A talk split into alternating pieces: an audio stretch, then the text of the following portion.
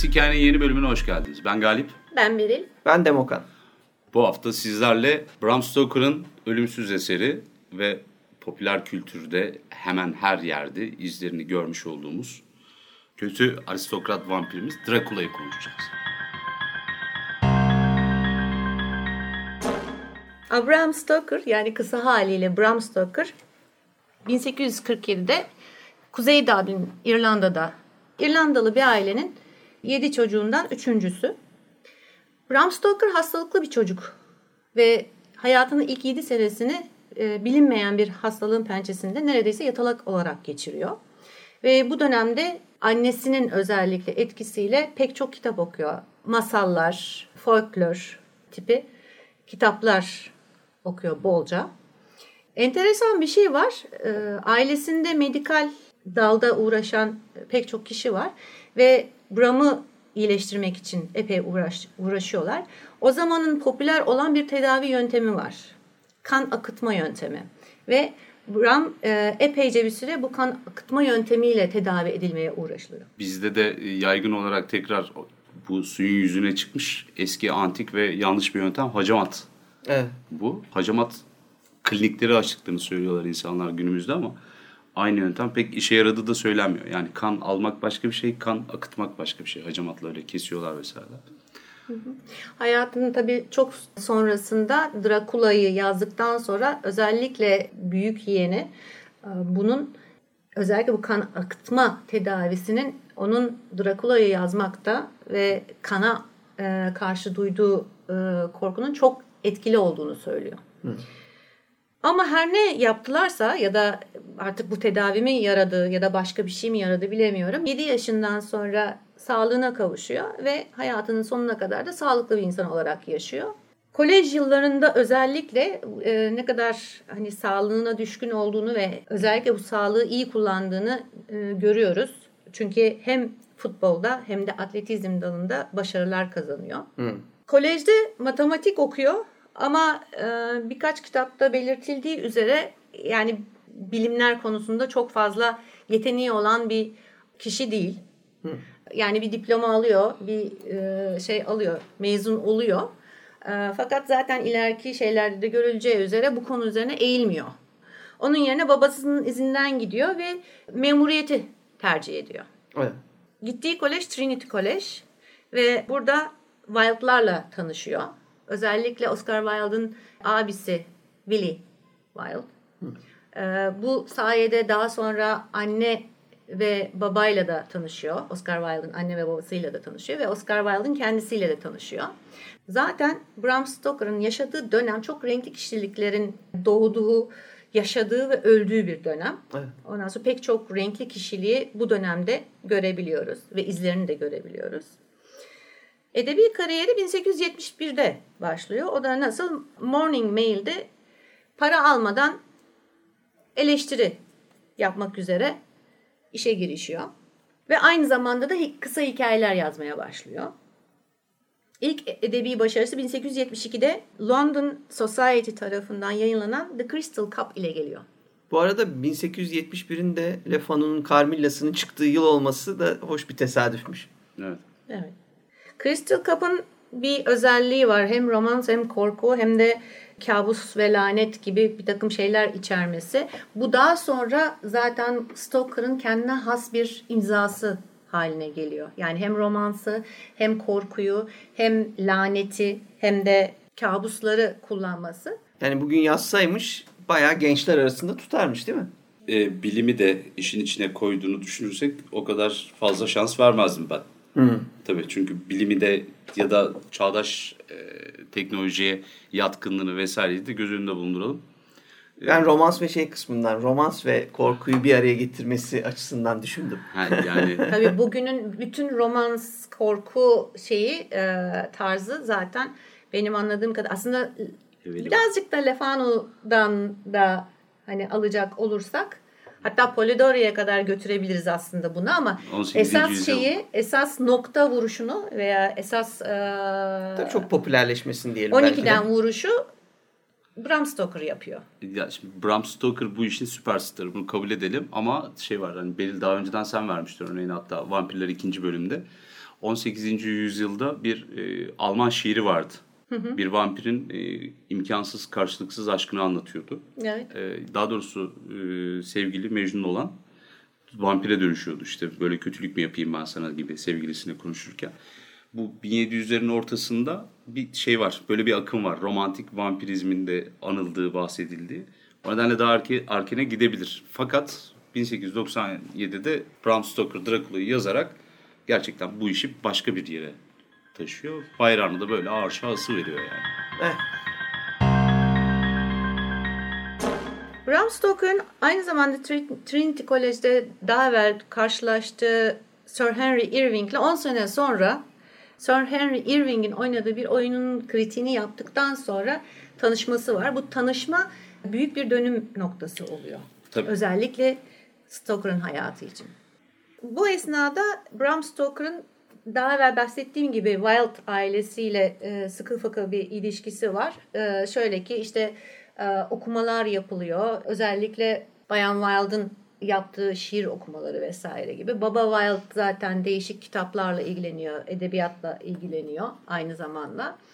E, onların evine girip yani çok sık girip çıkıyor. Bu arada bu girip çıkmaların esnasında Florence Balcombe ile tanışıyor. Florence Balcombe Oscar Wilde'ın eşi olmak üzere dedikodusu çıkmış diyelim ya da o şekilde adı çıkmış. Epey o zamanın güzel kadınlarından bir tanesi. Fakat Oscar Wilde'ın ilgisizliği yüzünden e, Florence Bram Stoker'ın ani evlenme teklifini kabul ediyor. Ve bu şekilde Oscar Wilde ve Wilde ailesinin tamamını şaşkınlık içinde bırakıyor.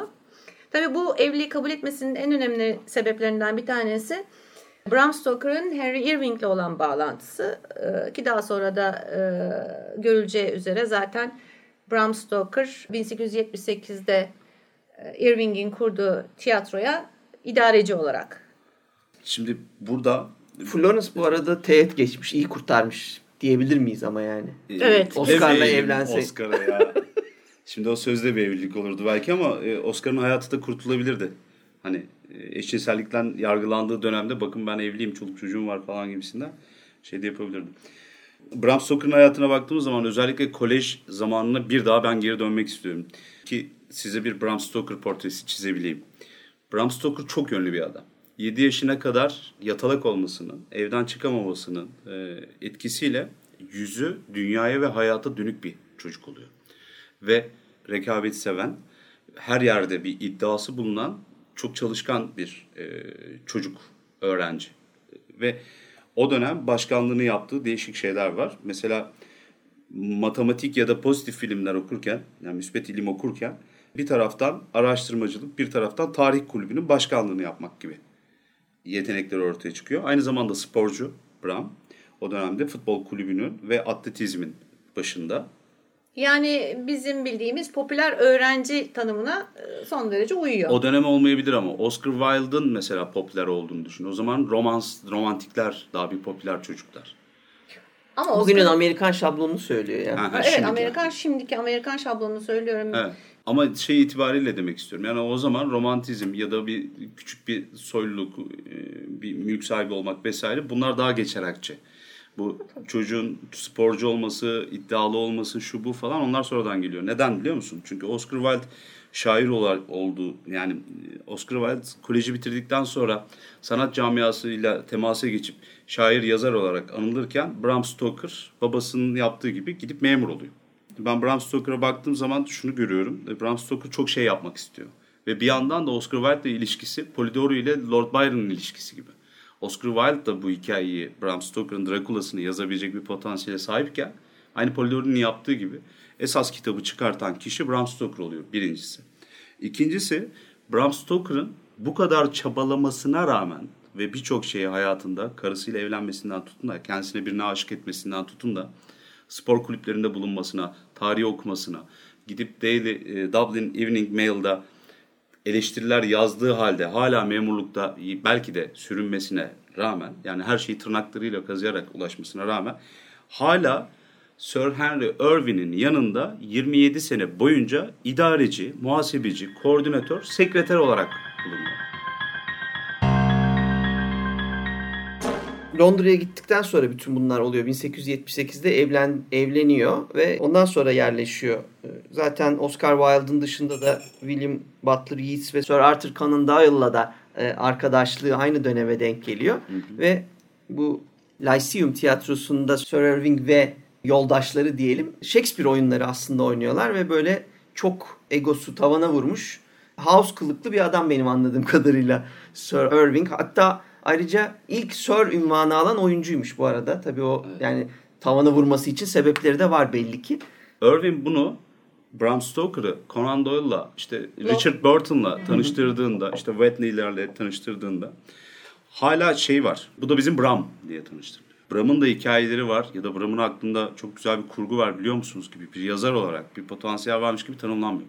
Biraz böyle Amerikalıların tabiriyle bu underdog vaziyetinde Bram Stoker. O nedenle 20-27 sene boyunca sadece çıkış tarihini de söyleyelim. 1879 senesinde baskıya giren İrlanda sulh mahkemelerinin katiplerinin vazifesi kitabıyla anılıyor Bram Stoker. Drakula'ya kadar. Yani şöyle bir toparlamak icap ederse Bram Stoker'ın ağzında gümüş bir kaşıkla doğmadığı, doğru çevreye doğmadığı ve elinden gelen her şeyi yaparak bir şekilde bir şeyler oluşturduğunu söylemek mümkün. Ee, Henry Irving'in ahiretliği gibi devamlı yanında bulunduğu dönemde de başına gelenleri Bram Stoker'ın Drakula'sında sahne sahne, iz iz görmek çok mümkün. Mesela Irving'in boylu postlu, gülmez, havadan bakan yapısını Bram şey, e, Dracula'nın, Count Dracula'nın o fiziksel yapısında direkt olarak görüyorsunuz. Hı. Belki bıyıklar bile tutuyordu. Genel olarak böyle bir yapı var ama işte şans da çok yüzüne gülmüyor. Mesela Florence e, Balcom evleniyorlar. Irving Noel Thornley Stoker dünyaya geliyor. 1880 olabilir. 79'da evlendikten ve yerleştikten sonra şey yapabiliriz. Karısı bir daha yatağına almıyor Bram Stoker. Araştırılan aralarda sabit bu arada. 1800 şey 1970'te yazılmış bir kitapla. Hı. Ve devamlı evinin ailesinin dışında bir arzu, şehvet vesaire aramak zorunda kalıyor. Aynı bizim Namuslu Hırsız filmimiz vardı ya bir tane Şener Şen. Evet. Hatırlar mısınız 80'deki? Ee, aynı ondaki sahneler gibi şeylerin yaşandığını da söylüyorlar. Biraz da dedikodusu gibi dursa da. Namuslu namussuz. Heh, namuslu namussuz. Aynı oradaki gibi sahneler yaşandığını söylüyorlar. Ama bunlar olurken mesela Amerika'ya da gidiyor. Aynı zamanda Roosevelt'le tanışıyor. İşte Quincy Morris karakterinin, Dracula'daki Amerikalı kovboy karakterinin böyle biraz kaba ama mert görünen vatandaşın üzerine yazmış olduğu iki tane e, macera kitabı var. Fakat bunları yayınlanmıyor. Bir şekilde Irving onları yayınlanmasına pek müsaade etmiyor demeyeyim de hani imkan da vermiyor gibi. Henry Irving'de geçirmiş olduğu uzun ve sıkıntılı yıllar ki e, Irving'in birçok işini yapıyor. E, yani çok kirli işlerini yapmıyor belki ama sonuçta konuşmak istemediği yatırımcılarla araya Bram Stoker koyuyor. Elbiselerini Bram Stoker aldırtıyor. Şuydu buydu falan. Bu tarz işleri yaptığı, yaşadığı zamanlarda o aradan geçen 24-25 sene boyunca Irving'in onu engellediğini düşünüyorum ben. Ve Irving'in etkisinden Dracula kitabının yayınlanmasıyla ufak ufak çıktığını, onun nasıl söyleyeyim kanatlarının altından ayrıldığını görebiliyorum. Hı. Öyle hissediyorum. Zaten birkaç yıl sonra da ölüyor. 1907'de ölüyor galiba. 5. 1905'te ölüyor. 1905 demiş. Henry Irving'le olan ilişkisi epey garip bir ilişki. Yani şey olarak yani bir arkadaşlık veya e, yoldaşlıktan çok e, hani mentor pupil e, hani öğretmen öğrenci mi denir artık? Ya, o tip bir şey. Ha yani işte bu ben ya House seyredenler varsa demin de demeye çalıştım. Ben çok uygun gördüm okuduklarımdan. Bayağı House ve yanındakilerin ilişkisi gibi dizideki. Yani muhteşem bir ego var. Sen onu sürekli pohpohlayacaksın. O da seni sürekli aşağılayarak kendini iyi hissedecek. Ve yani mümkünse de sen deha bile olsan seni hep baskılayıp altta tutacak gibi bir ilişki bir şekilde sürmüş. Evet. Gene de tabii Bram Stoker'ın yeteneği bir şekilde kendini hani sızdırmayı başarmış bu baskının altından. Şöyle ki bir süre sonra özellikle bu tiyatroda çalışırken Samson Publishing House Love Stoker ile iletişim giriyor, iletişime giriyor ve hikayeleriyle ilgilendiklerini söylüyorlar. Bundan sonra Under the Sunset ve The Snake Pass'i yazıyor 1890 ve 1891. Hı hı. Özellikle bu zaman zarfında Bram Stoker ölüm ve yaşam arasındaki çizgiye takıyor kafayı ve 1890'da Dracula'nın notlarını almaya başlıyor. Bunun içinde en önemli notlarından biri de işte içinde vampir konulu aşk romanı şeklinde.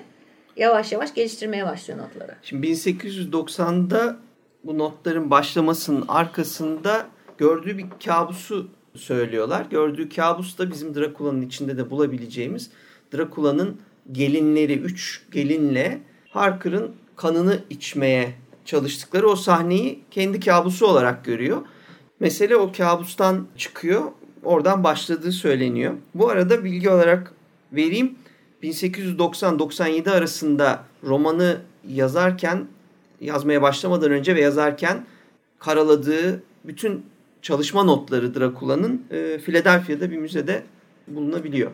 Aynı zamanda bir kitapta toplanmış bu. Kitabın linkini de veririz. Oradan da hem notları hem de açıklamalarını verecek şekilde hem de yorumlarıyla güzel bir kitaba benziyor.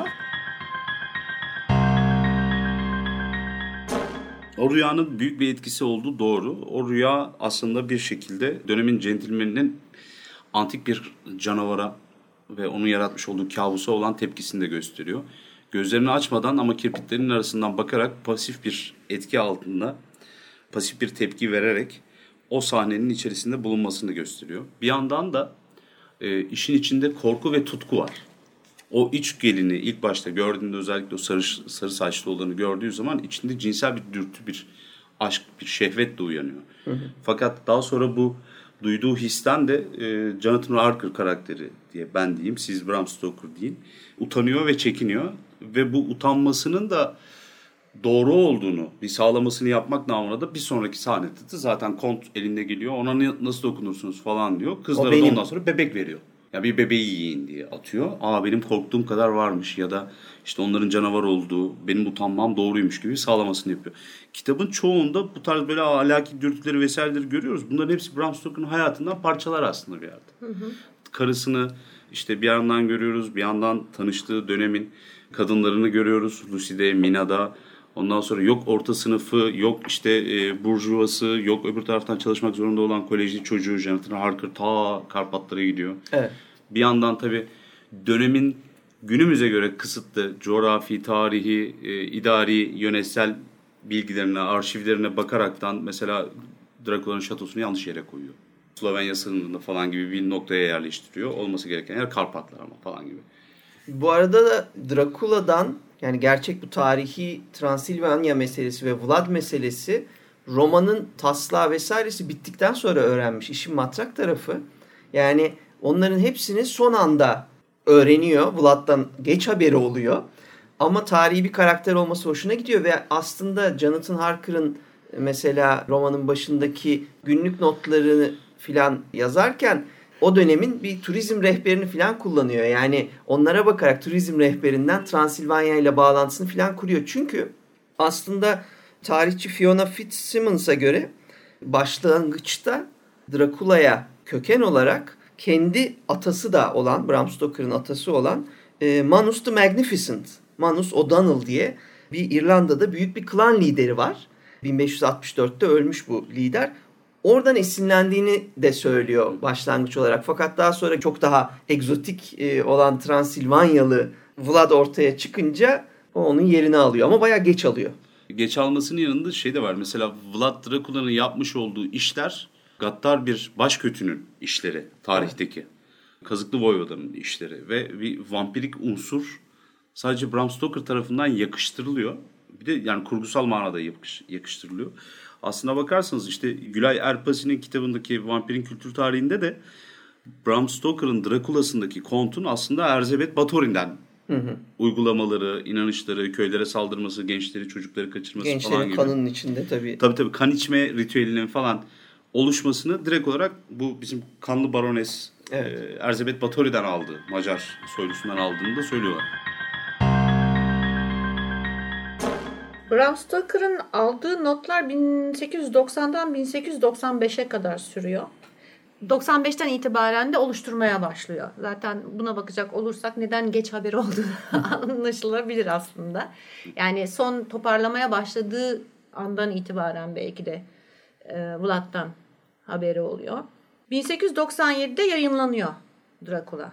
Dracula'nın biçimi, yazım biçimi mektuplar, gazete küpürleri şeklinde Bizim uzun uzun konuştuğumuz tanıdık bir konu yani. Evet. Aynen öyle. buluntu. Found footage ya da buluntu olarak e, o şekilde tasvir edebiliriz kitabı. Eleştiriler o zamanki eleştiriler çeşitli. Kimi hiç beğenmiyor. Kimi pek çok eksiği bulunan hani basit edebiyat olarak nitelendiriyor. Kimi Poe ile Frankenstein'la karşılaştırıyor ki bana göre aslında bu karşılaştırma şöyle yani uzun süre varlığını sürdürebilme açısından hakikaten de e, bunlarla yarışan bir eser. Eninde sonunda Dracula. Evet. Dracula o zaman da ve bugün de çok ünlü ve gotik edebiyatın kilometre taşlarından biri olmasına rağmen Stoker'a çok fazla maddi bir avantaj getirmedi. Ee, her zaman dediğimiz gibi iyi yazarlar fakir ölür. Evet. Bugünün hatta bugünün yani o zaman da eleştiriler çeşitliydi. Bugünün o çok yüksek yerlerde oturan edebiyat eleştirmenleri de Dracula için eksikleri olan karmaşa içinde bir roman olarak nitelendiriyorlar ama ben bunu kabul etmiyorum açıkçası. Çünkü bu kadar uzun süre hayatta kalmayı başarabilen ki bizden sonraki nesillere de aktarılacağı kesin.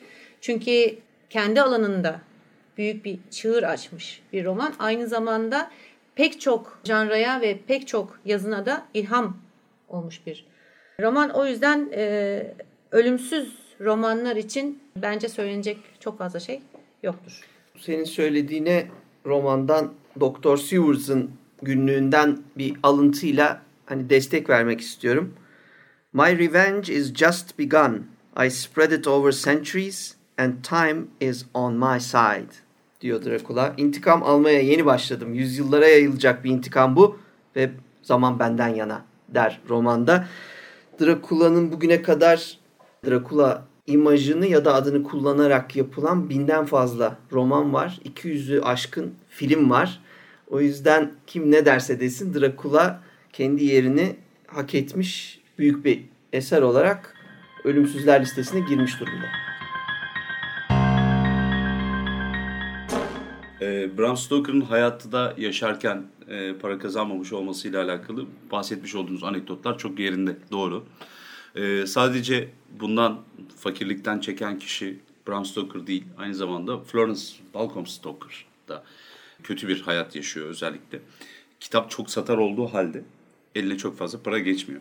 Hatta Bram Stoker 1912 yılında Frankie'den öldükten sonra onun biraz küskün ve hayal kırıklığı içerisindeki dulu Florence'ın Sotheby's e, müzayede evinde Bram Stoker'dan kalan notları, araştırma yazılarını ve öykü parçalarını 2 pound civarında bir paraya açık artırmada sattığı söyleniyor. Rezillik ya.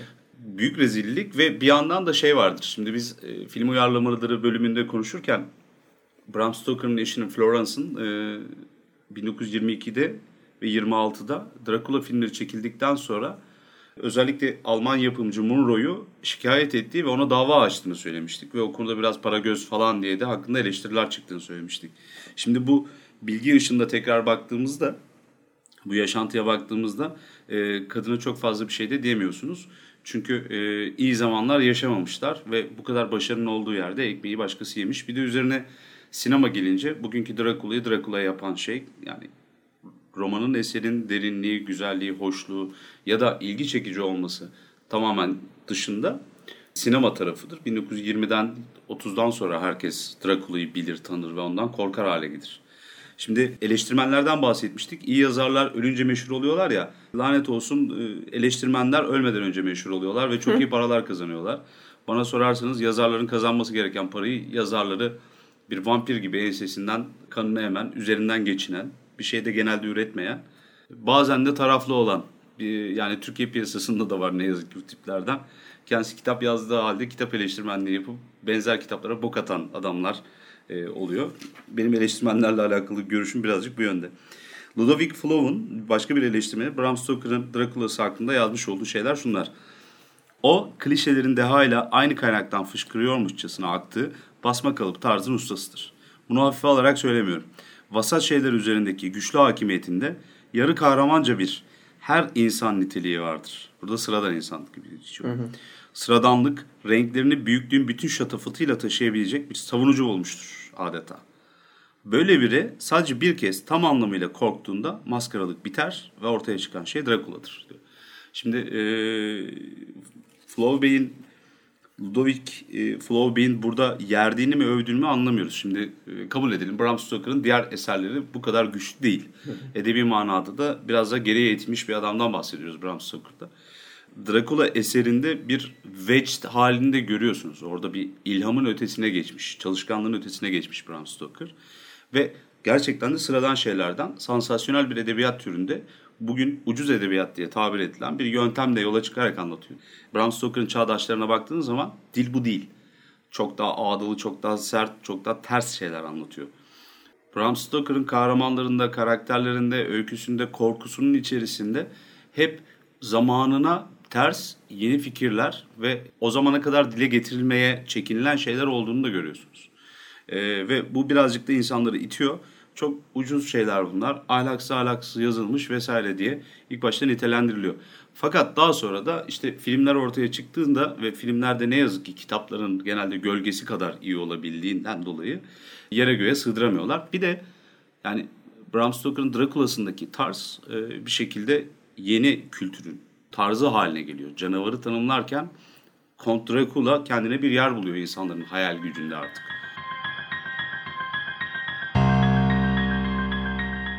De demin anlattığımız Sir Henry Irving ile olan ilişkisi ve bu Lyceum tiyatrosunda da çalışıyor olması dolayısıyla anladığım kadarıyla Dracula'nın roman olmasının yanı sıra tiyatro oyunu olmasını da istiyor Stoker.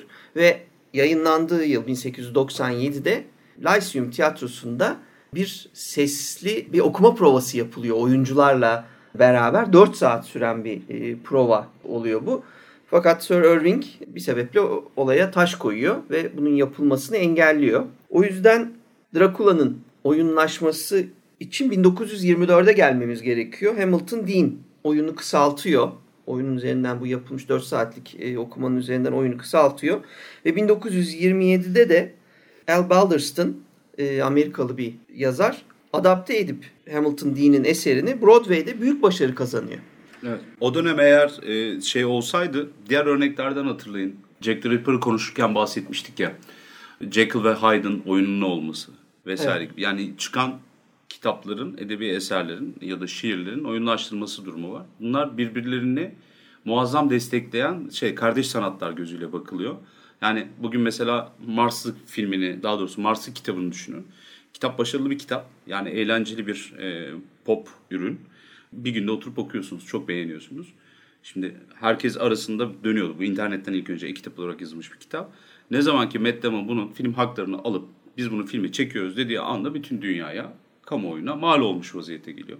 O zaman oyunları da öyle. Yani 1898 yılında eğer Dracula'nın oyunu olsaydı Bram Stoker ihya olurdu diye düşünüyorum. Ama evet. Henry Irving orada bir birincisi bir kıskançlık hissi izi görüyorum. Kesin. İkincisi Count Dracula Henry Irving'e benziyor kardeşim. Ve e, 20-25 sene boyunca adam e, devamlı onun kahrını çektiği için Irving'in kendine yakıştıramadığı kötü yönler Dracula'nın üzerinde beliriyor. Ve e, bunu da kabul edilemez buluyor Irving o şımarıklığıyla mı diyeyim hani burnu havadalığıyla bir yerde. Evet.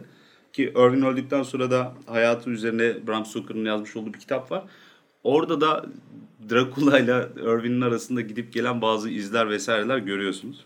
Hadi oyun olmadı. Ama hayatı el verse peşinden koşturabilse aslında belki Bram Stoker bari sinemadan yeseydi diyeceksin. Onu da yiyemiyor. Şimdi yetişemiyor bin... sinemaya. Aynen öyle. Yani yani en azından filmlere yetişemiyor. 1919'da ilk Drakula'yı Karol Lajtay e, Macar bir yönetmen çekiyor. Bu büyük ihtimal Macar olduğu için zaten duyulmuyor. Ha yani oradan bir şey kesinlikle alınamıyor. E sonra Nosferatu'da da Murnau copyright'ı alamadığı için şey yapıyor, değiştiriyor. Değiştirdiği Orlok için yapıyordu galiba. Ha değiştirdiği için bu sefer iş patlıyor. 1931'de de Todd Browning'in Drakula'sı ise Bela Lugosi'nin başrolünde oynadığı tiyatro versiyonundan filmleştiriyorlar. Yine Bram Stoker'a bir şey kalmıyor. Yani ta ki 1992'ye gelene kadar aslında Coppola Bram Stoker Drakula'yı haklarını alıp hakkını vererek çekme çabasına girene kadar Dracula bir türlü sinemadan Bram Stoker hak ettiği payı alamıyor. Evet. O zaman da zaten 92 çok geç oluyor. Tabii canım o torunu falan bile kalmamıştır. Hatta galiba torunu da yok.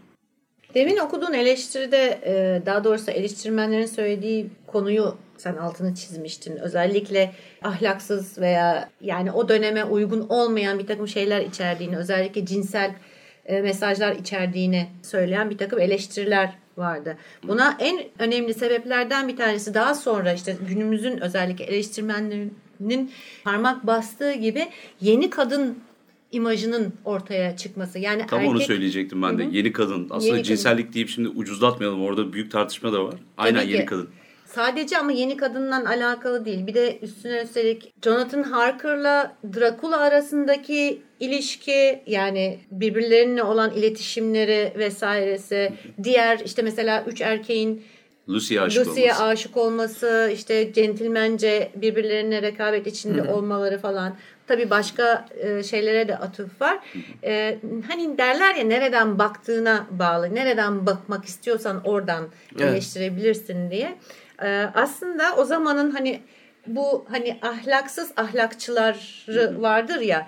E, onun o bakış açısıyla yapılmış bir takım eleştiriler bunlar. Yani şimdi siz diyor ki orada bu bilmem ne diyor cinsel içerik, cinsel mesaj yolluyor. Okuyoruz. Ben mesela okuyorum hiç öyle bir mesaj göremiyorum. Yani benim kafamda farklı bir şey canlanıyor. Bir devir farkı da var tabii. işte tabii ki, Ama Tabii ki. şu da var mesela şimdi e, Lucy örneğinde olduğu gibi işte Quincy, e, Dr. Stewart ondan sonra Arthur Hornwood o diğer Sir olan daha doğrusu ona Sir'lik kalıyordu işte Lord oluyordu Lord. çocuk. Evet.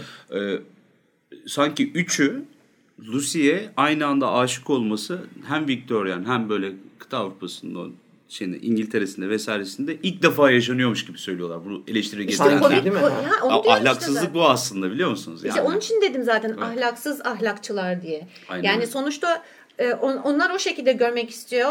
O şekilde okuyorlar şeyi. Yani o alt mesajı o E, şekilde hikaye almak bizim istiyorlar. burada geçseydi mesela Cumba'nın arkasından geçerken gördü Arthur'u falan Lucy gibi yazacaklardı mesela. İşte şeyde tahta kafesin arkasından konuştular falan. Yalan tabii yani. Hikaye Osmanlı'da geçseydi biz de böyle uyduru verecektik. O dönemin ahlakçıları da böyle yakıştıracaklardı. Bu zamanın eleştirmenleri de bir kısım o zamanın eleştirmenlerine katılanlar da var. Yani cinsel çok fazla mesaj ve e, içerik e, sunduğunu söylüyor. Tabii ki yazıldığı dönemi göz ardı etmemek lazım.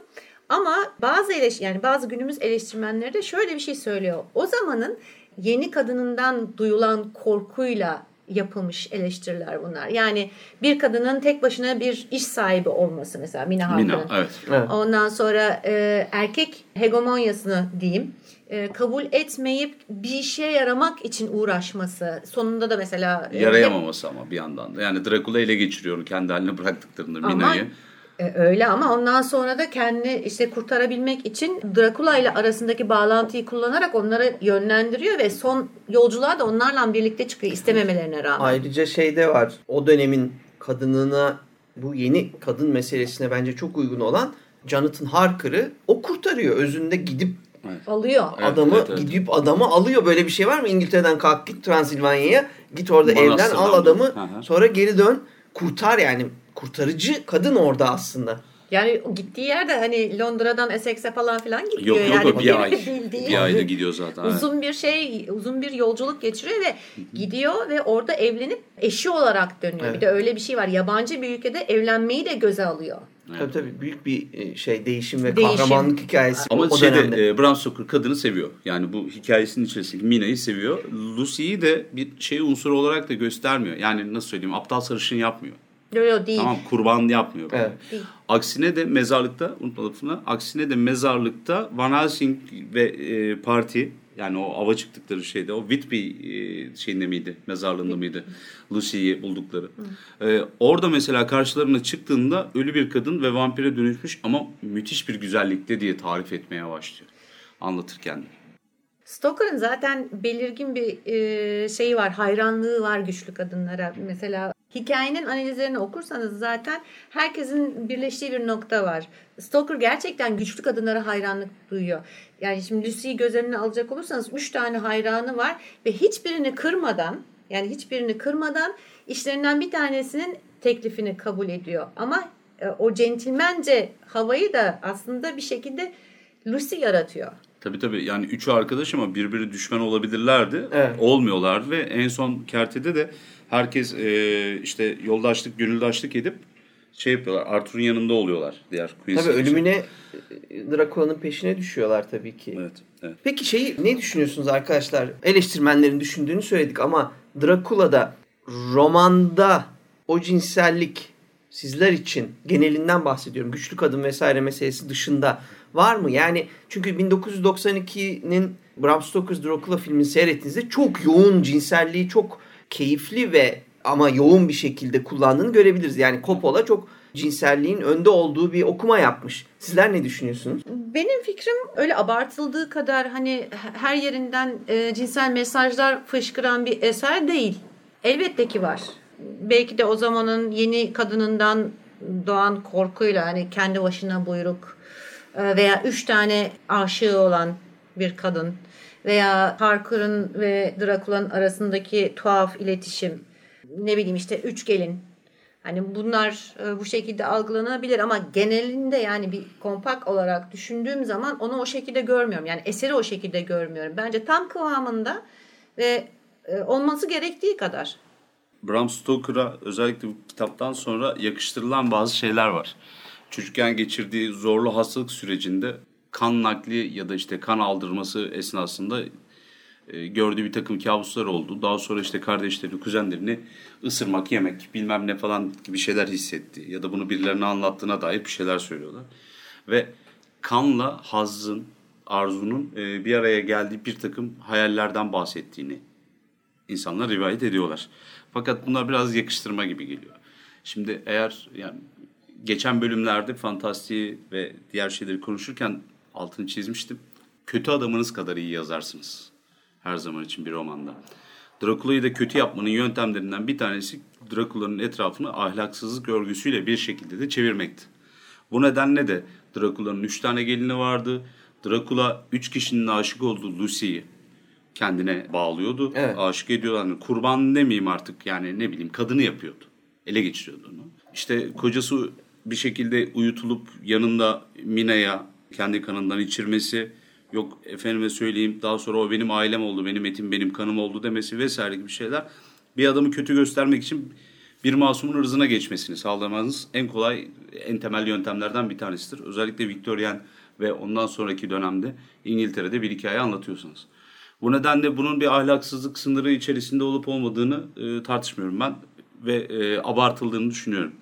Ama şu da var. Dracula yapısı itibariyle biraz Penny Dreadful bir eser.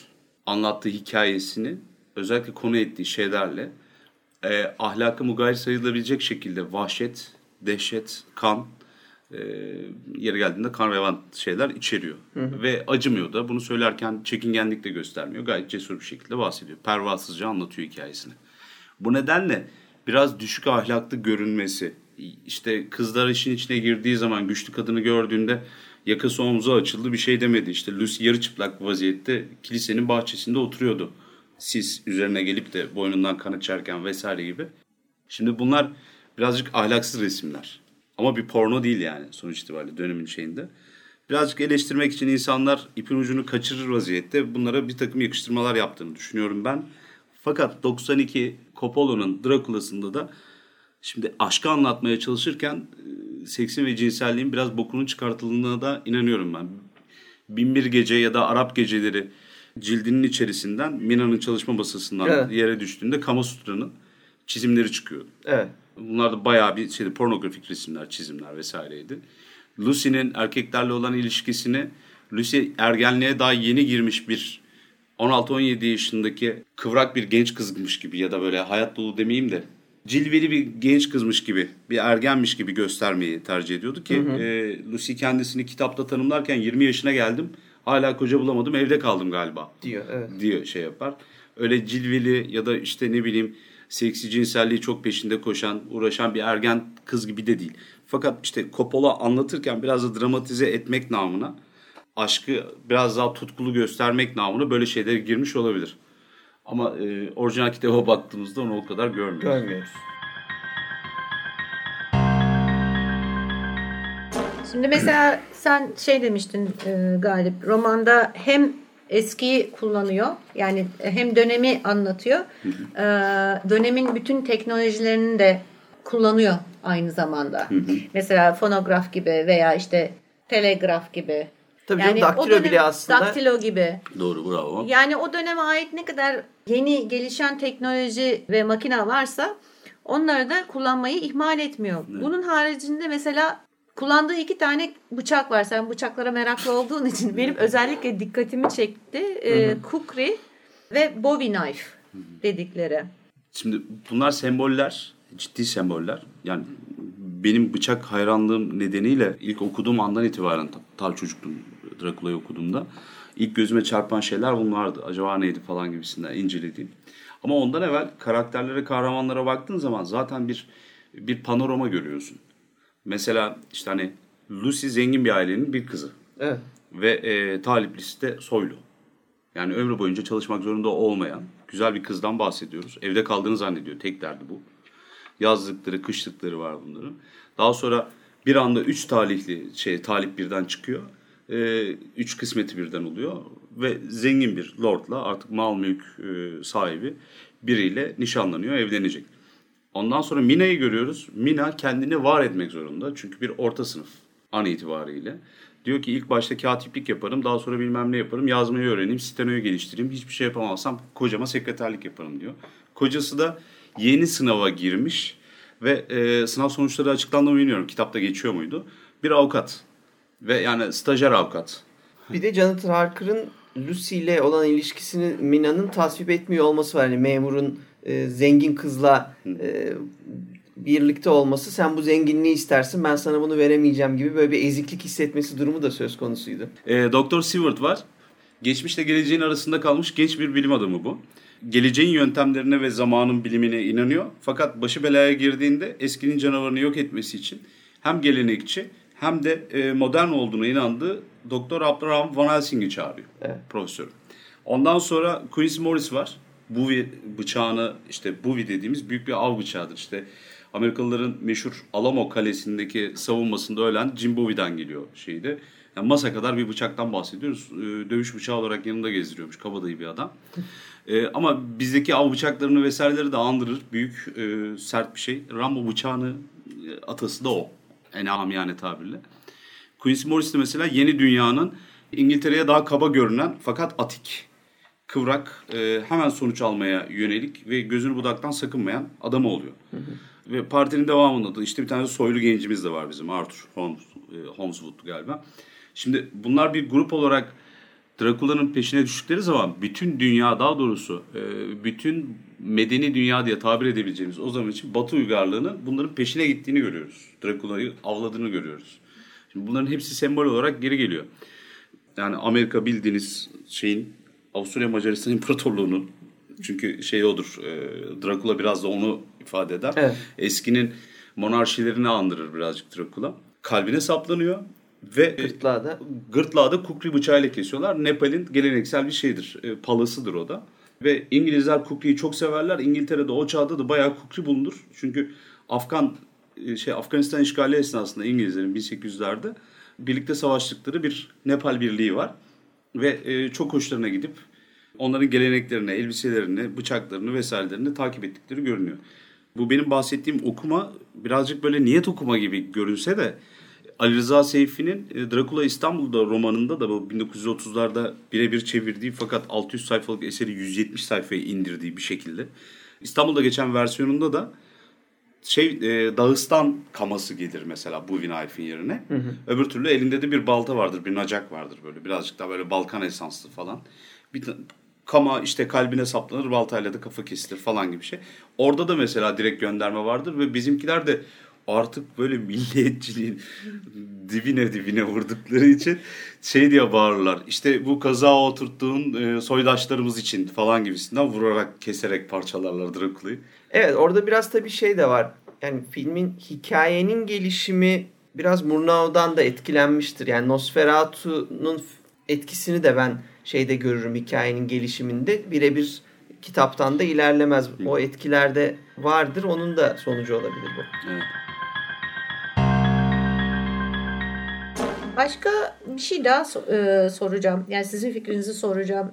Bu kitapta şey var değil mi? Yani batıyla bir doğunun çekişmesi de var. Yani bir yabancı korkusunu da burada görebiliyoruz rahatlıkla diye düşünüyorum. Kesinlikle yani zaten daha kitabın ilk 3-5 sayfasında Jonathan Harker'ın günlüğünde bugün tren daha çok fazla durdu. Rötar yaptı. Sanırım işte batıdan doğuya gittikçe bu rötarlar artıyor. Acaba Çin'e gitsek bu trenler hiç ilerler mi gibi bir not düşüyor mesela. tabii tabii Çin'de trenler hiç gidiyor mu acaba diye merak ettim diyor. Bu arada enteresan bir şey yakaladım. Yani yakaladım derken daha doğrusu oraya dikkat çekmek istiyorum. Drakula'yı taşıyan e, geminin adı Demeter. Demeter tabii. Persephone'nin kızıydı değil mi? Şimdi bu yazım döneminde, yazım araştırma döneminde Stoker bayağı geziyor. İrlanda'da, İngiltere'de. İngiltere'de, İskoçya'da dolaşıyor. Ve onlardan bir tanesinde e, bu mezarlığın da olduğu Hı hı. gerçek kasabada aslında böyle bir hikaye var. Ve çok benzer isimli bir gemi aynen kontrolsüzce büyük bir hızla kayalığa yanaşmasına rağmen girmiş e, limana Hı hı. E, ve o kontrolsüzlük o kasabada anlatılmaya devam etmiş. Hı hı. Ve o hikayeyi aslında yine notunu aldı. Bu gerçek hikayeden esinleniyor ve Demeter'e benzer de bir ismi var o teknenin. Yani çok arkasında başka bir benzerlik Ben kurmuş not- mu bilmiyorum ama gerçek bir görmedim ama- tekneden e, aldığı söyleniyor. Ben şey işte yani kitabın o bölümünde direkt olarak bir gazetecinin gözünden gazete küpürleri şeklinde yazılmış bir rapor var. Bayağı e, derinlikli bir rapor. Yani sahnenin gerçekçiliğinin ötesinde şeyi merak ettim ben. Acaba gerçek kazada içinden gerçekten bir köpek kurt atladı mı? Çünkü kasabalılar köpeğe üzüldü diyorlar hikayenin içerisinde. Çünkü e, böyle bir badireden kurtulmuş bir hayvancağızı kasabalılar sahiplenmek, evlat edinmek istiyorlar falan. Evlat edinmek istedikleri kişi romanda Dracula. Ya hataya bak falan diye bakıp gülüyorduk. Şey de var mesela bir e, bir şeye dikkat çekmişler e, bu üç rakamı ile ilgili sadece ufak bir bölüm yani ufak bölüm derken e, ufak bir ayrıntı Drakula'nın üç gelininin olması ve bir şekilde Drakula'nın onları çevirerek yani kan sağlayarak onları çevirmiş ve kurtarmış olması ve kan sağlamaya devam etmesi. Sonuçta onları gene Drakula besliyor ve onlar da Drakula'yı besliyor. Daha sonra Lucy'nin üç koca adayının olması ve Lucy hastalandıktan sonra bu üç koca adayının ona kan vermesi ki Evet. buna daha sonra şey de katılıyor aslında orada biraz bozuluyor o üç durumu. Van Helsing. Van Helsing de veriyor. Ama bu da mesela enteresan detaylardan bir tanesi şeyde e, kitapta. Öyle bir simetri yaratmış mı bilmiyorum ama yani e, orada bahsetmek istediği sanki birazcık daha şeydi. Yani böyle Van Helsing orada norm gibi hani böyle mihenk taşı gibi duruyor. Ben Dracula'dan çok roman ilerledikçe 150 200. 200. sayfaya geldikçe hep Van Helsing'in etrafında döndüğünü hikayenin düşünüyorum. Çünkü o kapıları o açmaya başlıyor, bir şeyleri anlatıyor, insanları ikna ediyor, planlar kuruyor, şöyle yapacağız, böyle yapacağız falan gideceğiz. Bir de bilen adam tabii öyle bir e, mentor kimliğinin dışında geldiği zaman Bayağı hem bilen adam hem e, uygulamada da yapabilen adam bu sefer. Çünkü mesmerize'ı o Hipnozu. hipnozu o yapıyor. Yani e, bu böyle etkileri var. Hem kazığı nereye saplayacaksın, kafayı niye keseceksin? E, hem işte mesmerize biz ben bunu hipnotize edeyim. Onun o onun düşüncelerini okuyorsa biz de onun düşüncelerini okuyalım. Hem kan nakli yapıyor mesela. Kan yöntem. aynen öyle o sırada çok yeni bir şey olmasına rağmen onu biliyor. Yapıp Orada Rasmus yanında eşyalarla geliyor.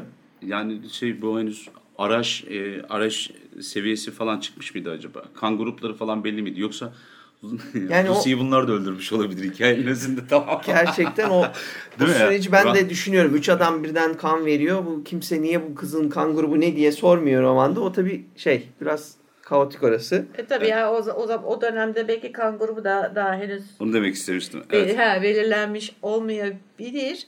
Ee, bana bana göre birazcık şey e, göndermesi de olabilir. Yani hep tarihte erkekler ve erkeklerin haremleri olur ya ya da mi- e, şeyleri m, konsortları olur vesaire. Mesela Dracula'da da onu görüyorsun. Sonuçta bu çok eski zamandan gelme, monarşiden gelme bir e, adam ve Sonuçta monarşiye ait bir e, figür Hı hı. ve dolayısıyla da hani üç gelini çok fazla yatsımıyorsun veya garipsemiyorsun. Bu bir şekilde gönderme mi? Hani sen tamam orada monarşide üç tane hatunla bir harem kurmuş olabilirsin ama bak burada bir hanımefendi var. O da kendine üç adamdan bir harem kurmuş. Evet Olabilir. orada Yani bir o yansıma bir- görünüyor Evet, yani evet. ister yansıma istemez çok gibi. mesela ben gerçekten ilk denk geldiğimde şaşırdıydım yani böyle bir üç adamı peşinden koşturan o kızın biriyle evlenip öbürlerinin hala arkadaş kalmasını ve onu yok eden yaratıkla savaşmaya gitmeleri filan ya niye acaba diye düşündüydüm ve bu eşleşmeyi hissettiğimde de ha, hoşuma gitmişti. Bir şey daha soracağım. Şimdi Dracula'yı görüyoruz. İlk önce Lucy'ye musallat oluyor. Lucy'den her gece kan alıyor. Yani onlar kan veriyorlar bizim beyefendiler ama onlar verdikçe Dracula bir yandan da onu çekiyor. En sonunda zaten annesi şahit oluyor vesaire. Anne kalpten gidiyor. Ee, şimdi Lucy de vampire dönüşüyor. Fakat Mina ile olan şeyi farklı. Tamam e, hani Mina'yı daha farklı görüyor muhakkak ki. Hani Lucy'yi sadece ısırdığı için mi? Orada orada bir, bir şey var. Yani orada bir benim anlamak istediğim bir şey var. Şimdi Mina'ya kendi göğsünden göğsünü çizerek kan e, kanını içiriyor ve ondan sonra diyor ki flesh of my flesh, e, blood of my blood, kin of my kin. Yani e, etimin eti, kanımın kanı, e, türümün türü demek istiyor. Ya benim oldu Ya- artık benim ailem bu diyor yani. Ha ailem diyor ama sonuçta Lucy de değişti. Yani Lucy öldürülmeseydi o da onun o zaman hani blood of blood mı olacaktı? Şimdi aile kavramıyla e, onun Minyon kavrası. minyon kavramı işte hani bu kin hadisesiyle minyonun çatışması var orada. Ama şu da var şimdi bu, bu romantik bir eser tamam mı?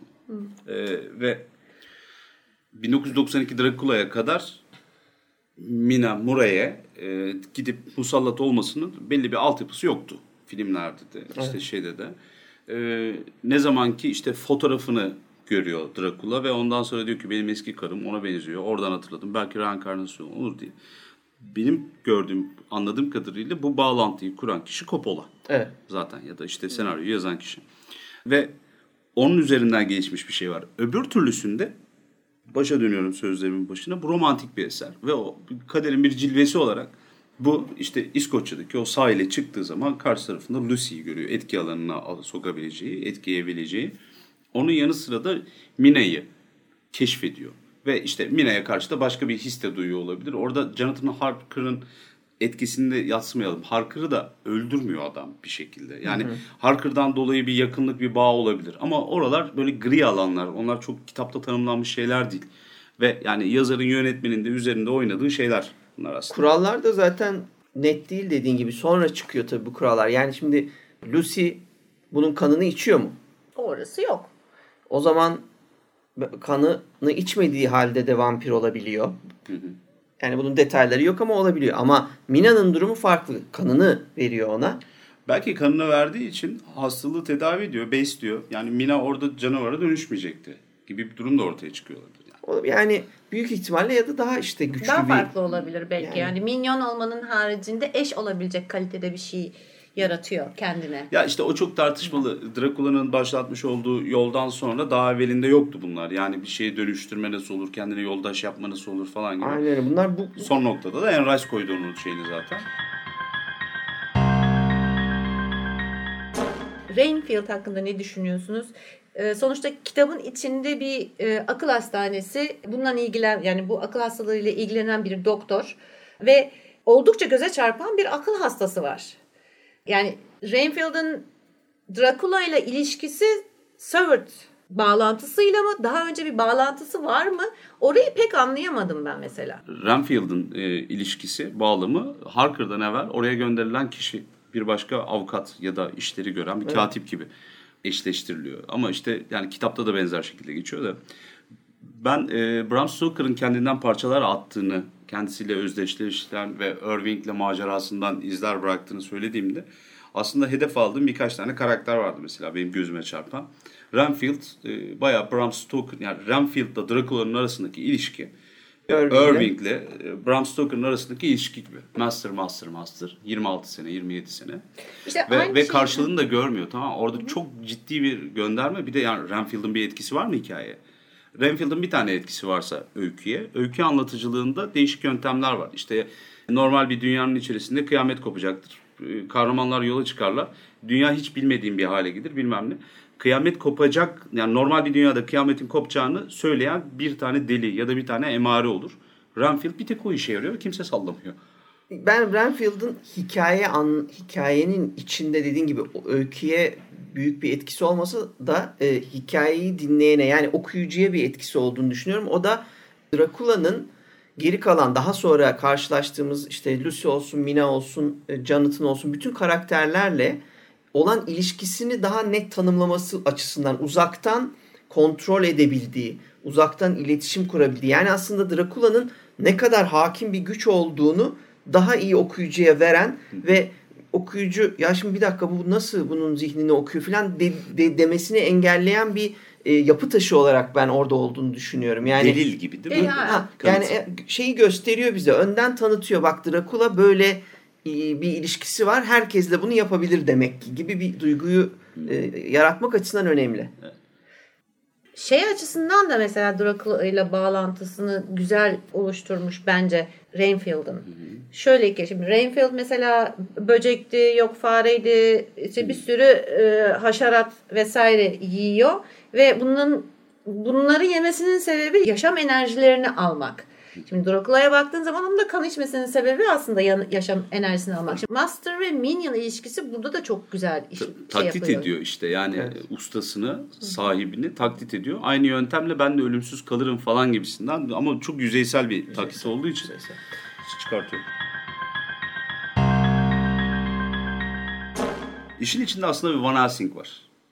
Yani gerçekten baba Van Helsing ve bu FRP'cilerin falan tabiriyle power player bu adam. Hatta böyle öykü anlatıcılar da aynı şekilde düşünüyor. İş çözüyor. İşe aynı senin söylediğin gibi Demokan. Hem müsbet hem menfi. Hem uygulama hem teori. Bir şekilde işin içine girerek çözüyor. Planlar kuruyor, e, tuzaklar kuruyor, alıp götürüyor bunları. Şöyle olmalı, böyle olmalı diyor. Ondan sonra ahlakı bir daha düzenliyor. Mina'yı kurtardık diyor. Mina artık Jonathan Harker'da çocuk yapabilir kardeşim diyor. Yani normal ahlaklı bir anneye e, ya da bir kadına dönüştü. Geri döndürecek. Evet. Bir şey soracağım. Ee, şey hakkında ne düşünüyorsunuz? Van Helsing'in Hollandalı olması hakkında ne düşünüyorsunuz? Yani neden bir Hollandalı doktoru seçiyor? Yani bunda bir şeyi var mı Hollandalılar şeyler kadar ahlakçı değildir o yüzden. İngilizler. Ben öyle düşünüyorum en azından. Bir de Van Helsing'in çok boyutlu olmasına değinecektim ben. Yani Bram Stoker çok boyutlu bir adam. Her şeyi okuyan eden bilmem ne falan ya. Onun bir etkisi var ama dışarıdan birinin gelmesi lazım. Belli ki İngiltere tek başına yapamıyor bunu kardeşim gibi bir hava da vardı. Stewart da zaten hocası fakülteden. Evet. Tanışmışlıkları var işte konferanslar şunlar bunlar. O çağırıyor davet ediyor falan ya davet üstüne geliyor. Bir yandan da e, hareketleri, lafları söylemesi, pervasızlığı falan gibi şeyleri de var Van Helsing'in. sadece oryantali kullanmaması aslında dünya çapında o günkü dünyayı düşünürsek e, dünya çapında bir ilişkiler ağı kurması açısından faydalı olmuş. Yani renklendiriyor, güçlendiriyor. O da yabancı. Bizim bugünkü gibi değil ki bir Hollandalı deyince kafanda çok net bir şablon oluşmuyor olabilir ama ticaretle bir yandan tanıyorsun çok iyi bir şekilde. Bir yandan da senin bilmediğin şeyleri bilebilir. Bir de Hollandalılar çok büyük sömürgecidir. Şimdi herkes İngilizler e, ve şeyleri Fransızları biliyor. Almanlar girmeye çalıştı diye biliyor. Fakat yani hem Amerika'da hem Afrika'da hem işte Indochina'da vesairede İngilizlerin Fransızların en büyük çarpıştığı kuvvet Evet. Hollandalılar. Bir de Birinci sömürgeci. Aynen Zaten. öyle. Ya işte bu hani e, şeyleri Afrika'dan zencileri toplayıp da Amerika'da işte Brezilya'da, e, Kuzey Amerika'da falan satan esas milletti. Ticaretini yapanlar da gene Evet. Hollandalılar. Hollanda'nın bir bildiği vardır diye düşünüyorum. Genel olarak dedik ki Dracula ölümsüz eserlerden bir tanesi. Ölümsüz eser dediğin şunu söylemeden geçmeyelim. E, romanın ilk adı Undead. Romanı aslında Undead diyecekmiş. Son anda değiştiriyor. Bu Drakula'yı da işte geç öğrenmesiyle de ilişkisi var aslında. Undead'i Şeyi- ilk kullanan yerlerden bir tanesi diye. İlk o kullanıyor. Evet. Yani, kitabın içinde zaten undead kelimesi ilk defa geçiyor. Ama romanın adı da undead olacakken e, dediğim gibi geç bir şekilde Transilvanya'yı vuladı ve oradan Drakul'u, Demon'ı öğrenerek bunu Drakula'ya çeviriyor. Bence pazarlama açısından da iyi bir hareket olmuş. İkinci bir pazarlama hareketi daha söyleyeyim o zaman hemen. Vaka pazarlama hareketi değil de daha çok herhalde bu Bram Stoker'ın isteğiydi. Ee, çok fazla gerçekleştirememiş olsa da kitabın son bölümü çıkarılıyor yayından önce. Son bölümde aslında e, Drakula'nın şatosu Drakula'nın ölümüyle birlikte yıkılıyor. Tamamen Drakula bitiyor. Ama kitapta Drakula'nın şatosu ayakta. Şimdi bu şöyle bir şey gösteriyor. Tabii bu yorumlar bu şekilde. Stoker'ın bu hikayeyi devam ettirmek istiyor olduğu ve bunun üzerine çalışmalar yaptığı. Ee, tabii şey yapamıyor ne yazık ki hani bunun devamını veya bir sekans dediğimiz hani ikinci veya üçüncü e, kitabını yazamıyor. Ömrü yetmiyor. E, 1912'de 12. vefat ediyor. Arada başka şeyler deniyor ama geri dönmüyor. Bir mumya hikayesi hı hı. anlatmaya çalışıyor. Bir de gizem demonlarla alakalı.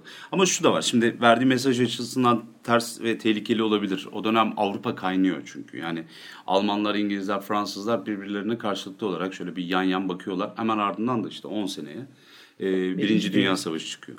E, şimdi net olarak belirtmiş olduğu şeyler var. Yeni dünya, yeni genç dünya, hatta genç cesur dünya eskisine kafa tutuyor. Yani monarşiye kafa tutan şeyler var. Demokrasiler var artık işin içinde mutlak monarşi gibi olmasa da işte İngiltere tarafında da işler bayağı demokratik ilerliyor. Tartışmaların olduğu bir zamanda hem Osmanlı'yı hem de şeyi e, Avusturya Macaristan'ı hem de Rusya'yı üçünü bir arada toplayabildiğin bir karakter Kontrakula. Ve İngiltere'yi işgale geliyor. Şimdi sen en son yaptığında işgali geri tepti ondan sonra gitti şatosunda başına geçirdik gibi bir mesaj verirsen işler de karışıkken çok politik oldu, çok hiciv oldu diye bir elinden kaçırmak durumundasın da. Yani hikayenin önüne geçebilirdi bu son gibi bir durum var. Ki ilk baştaki şey vardır, meşhur girişi vardır. Daha sonra oğlu galiba şey olarak yayınlıyordu. E, Bayır aşkı bir kitap olarak, bir novela gibi yayınlıyordu. Drakula'nın konuğu. Hı hı. Konuğuna göndermiş olduğu bir mektup ve mektup öncesinde de Jonathan Harker'ın işte mezarlıkta kaybolması, o kurtları ilk defa görmesi vesaire gibi. O kısmı da çıkartıyor başından. Notların arasından buluyorlar daha sonra. işte kendi oğlu dediğimiz gibi tekrar yayın alıyor. Öyle bir şey olabilir çekincesi olabilir. En son olarak iki tane kitap önereyim. Evet. Ee, Drakula ile bağlantılı olarak yani Drakula'nın ilham vermiş olduğu ve gerçekten sevilerek okunabileceğini düşündüğüm bir tanesi Anna Drakula. Kim Newman'ın 1998 basımı bir kitabı. Bu kitapta Vlad Tepes, daha doğrusu şöyle, e, Drakula'nın zannedersem eğer belli bir bölüm bölümünden alıyor olayı. Drakula ölmemiş e, Queen Victoria'nın eşi haline gelmiş. Queen Victoria'yı çevirmiş. Hı hı. Ve böyle bir ortamda Jack the Ripper'ın cinayetleri çözülmeye çalışıyor. Ve romanda pek çok karakter var. Yani Victoria döneminin görülebileceği işte kurgusal karakterlerini burada. E, görebilirsiniz. Mesela işte dediğim gibi Jack the Ripper, Dr. Jekyll, Fu Manchu, Oscar Wilde ya bir vesaire. Penny Dreadful durumu söz konusu. Evet. Aynen, Doğru aynen. E, ikinci olarak da Historian var Elizabeth Kostova'nın. Bu da gene Drakula'dan e, esinlenmiş bir eser. 2005 basımı. Bu da e, Vlad Tepes'in yani Drakula'nın izini sürüyor. Hala hayatta olup olmadığıyla e, alakalı olarak bu iki kitabı önerebilirim. Bugün sizinle Bram Stoker'ın Drakula'sını konuştuk. Üzerine bayağı bir şey söyledik ama söylenecek çok daha fazla şey var. Edebi tarafını ele aldık. Daha önceki bölümlerde vampirin geçmişini ve tarihini, kökenini anlatırken buraya geleceğimizden bahsetmiştik. Ben küçük bir künye okumak istiyorum. Bu gene bizim meşhur Christopher Freiling'in e, ilk iki bölümde çok yararlandığım bir kitapta. Vampirizm kitabında e, bir künye. Bram Stoker'ın e, Drakula'sı vampir panoramasında, edebiyatta vampir panoramasında şu şekilde başlıyor. Tarih 1897. Vampir tipi Kont Dracula, aristokrat, iktidardaki askeri hanedandan Karpat dağlarında yaşar, Yorkshire ve Londra'da bulunur. İşte ikamet eder gibi. Kaynak Bram Stoker, kitap Dracula. Tercih ettiği kurbanlar dişiler. Özellikle en önde gelen İngiliz değilleri.